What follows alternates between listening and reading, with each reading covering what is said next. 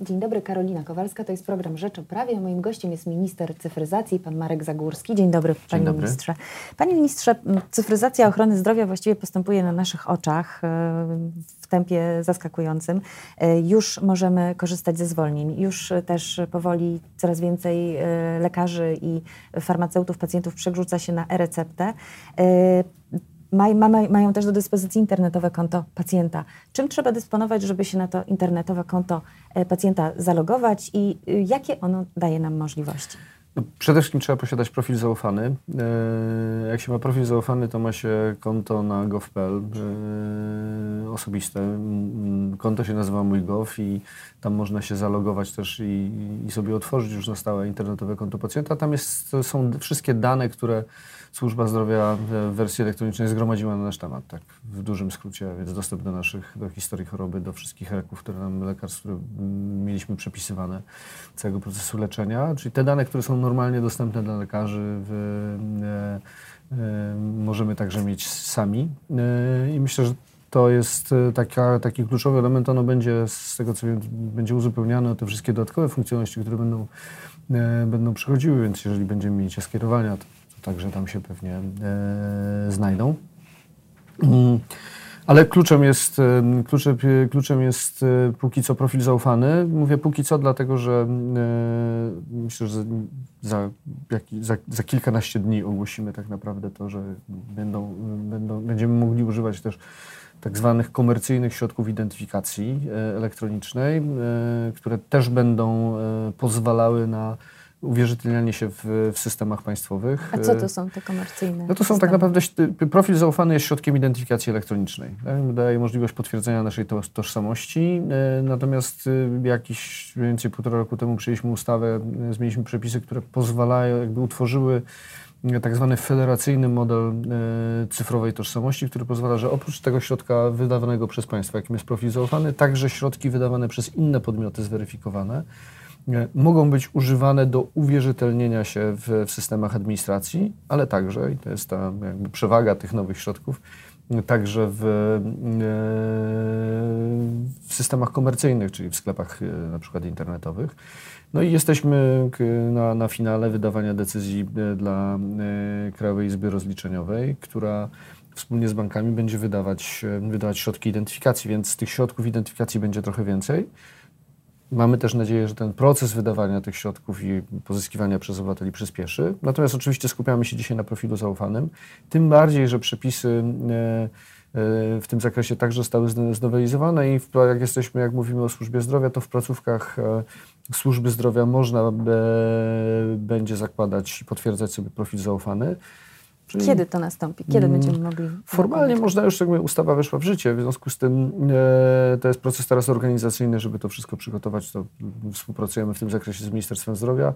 E, mamy nadzieję, że to będzie postępowało relatywnie szybko. To jest kwestia e, organizacji e, NFZ-u, bo tym podmiotem, z którym formalnie będzie, który formalnie to będzie nadzorował jest NFZ, e, ale liczymy, e, że to będzie, ta, ta dostępność mm, tej usługi zakładania profilu zaufanego w placówkach służby zdrowia będzie mm, już, w, nie chcę powiedzieć masowa na pewno pod koniec tego roku, ale myślę, że w przyszłym roku na pewno, na pewno będzie masowa. To jest ważne, bo jeżeli w ogóle mówimy o e, procesach informatyzacji służby zdrowia, to jednym z kluczowych elementów jest możliwości e, potwierdzania mm, tożsamości obywatela zarówno, zarówno w usługach online'owych, ale także w placówkach. Czyli z takim profilem zaufanym nie będę musiała, y, mając taki profil, nie będę musiała nosić przy sobie dowodu osobistego, idąc do lekarza? Jeśli chodzi o profil zaufany, to przede wszystkim będziemy go używać e, w usługach online, czyli właśnie internetowe konto pacjenta, więc w tych wszystkich usługach, które są wystawione online'owo. Natomiast jeżeli będziemy przychodzili do, e, do placówki służby zdrowia, E, to będzie nam potrzebny na przykład e, dowód z warstwą elektroniczną albo aplikacja M-Obywatel, e, bo ona też będzie, czyli jak będziemy mieli profil zaufany, to możemy sobie ściągnąć aplikację Obywatel i, na, i przy, przy pomocy tej aplikacji między innymi też potwierdzić swoją, swoją tożsamość w, w placówkach służby zdrowia, więc to wszystko jest ze sobą powiązane. No, ta cyfryzacja ochrony zdrowia następuje, tak jak powiedziałam, w błyskawicznym tempie. Jak wiele osób dzisiaj korzysta z profilu zaufanego, jak wiele osób korzysta z informacji z internetowego konta pacjenta? E, 4 miliony 200 tysięcy osób, e, ponad 4 miliony 200 tysięcy osób posiada już dzisiaj profil zaufany. E, co do I wszystkie te osoby mogą mieć internetowe konto pacjenta. Mówiąc szczerze, nie mam aktualnych danych dotyczących tego, ile osób e, zalogowało się na internetowe konto pacjenta. Z ciekawości spytam ministra zdrowia, jak, jaka to jest skala, ale w związku z tym, że minister zdrowia cały czas prowadzi akcję informacyjną na wszystkiego rodzaju wydarzeniach, różnej rangi są e, przedstawiciele NFZ-u, którzy po pierwsze informują o e, IKP, e, którzy jednocześnie dają możliwość potwierdzania tego profilu zaufanego, więc zakładam, że ta liczba może jeszcze nie sięgnęła tych 4 milionów 200 tysięcy, ale na, na, na, na, pewno, na, na pewno bardzo dynamicznie przyrasta. Ale tak jak powiedziałem, 4 miliony 200 to jest e, bardzo dużo z jednej strony, jeżeli patrzymy ile, e, z jakiego pułapu startowaliśmy 4 lata temu, to było jakieś 350-400 tysięcy użytkowników. Natomiast no, naszą ambicją jest, żeby to było kilkanaście milionów e, i myślę, że przyszły rok to będzie ten taki dynamiczny przyrost osób, które posiadają mm, środek identyfikacji elektronicznej, czy będzie to albo profil zaufany, albo te środki wydawane przez banki. Panie ministrze, od wielu miesięcy pacjenci mogą skorzystać z recepty, lekarze mogą te recepty wypisywać. Czy wiemy, jak wiele tych recept już zostało wypisane?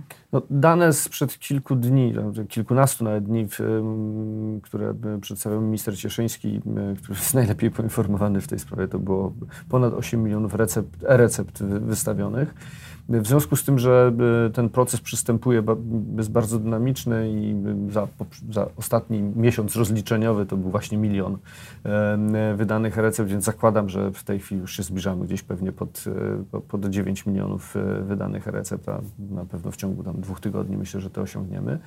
E, ważne jest, że coraz więcej lekarzy przystępuje, bo jest znowu kilkanaście, w zasadzie kilkadziesiąt już tysięcy, myślę, że to jest powyżej 20 tysięcy lekarzy wystawiających recepty. To też bardzo dynamicznie przyrasta.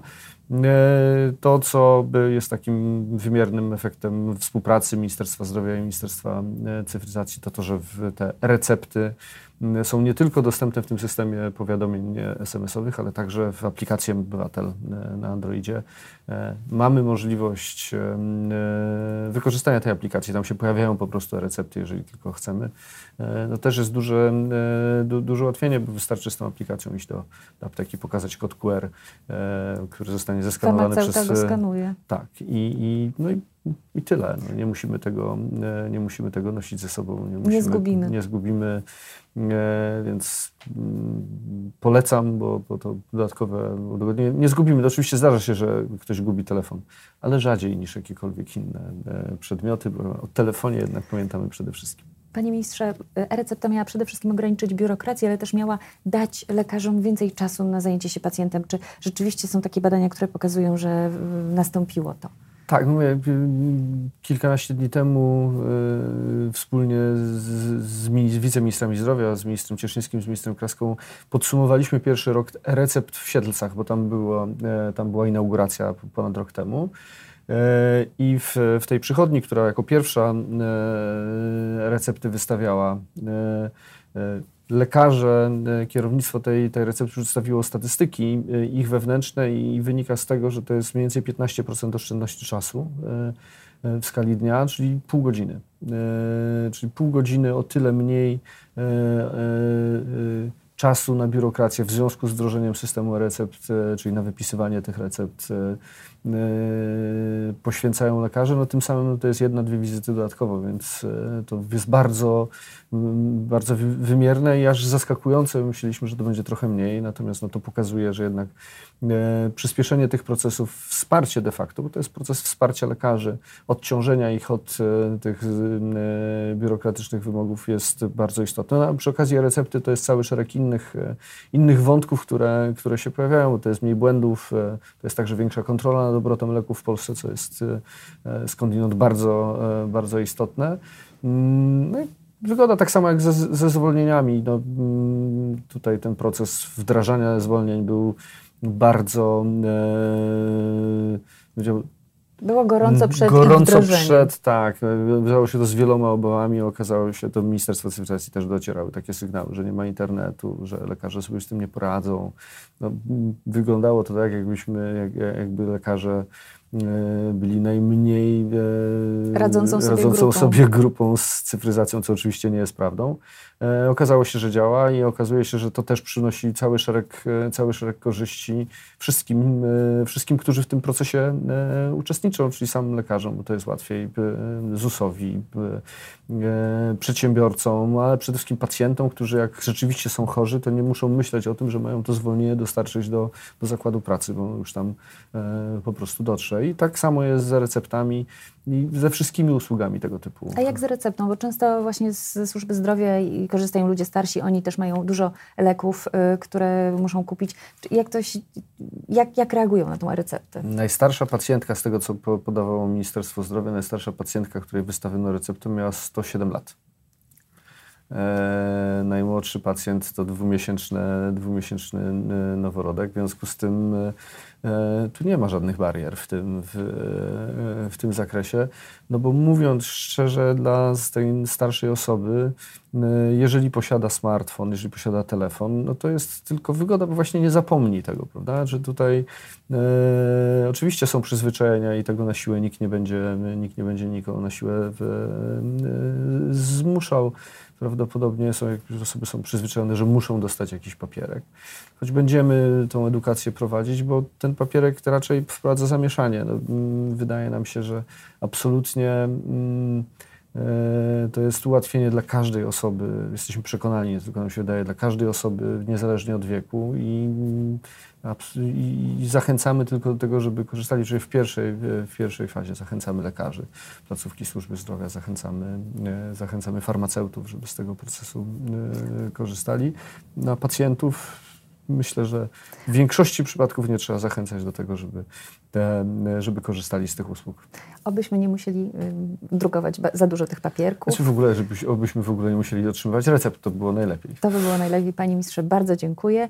Moim gościem był minister cyfryzacji Marek Zagórski, a ja zapraszam na Rzecz o Prawie na jutro na godzinę 13.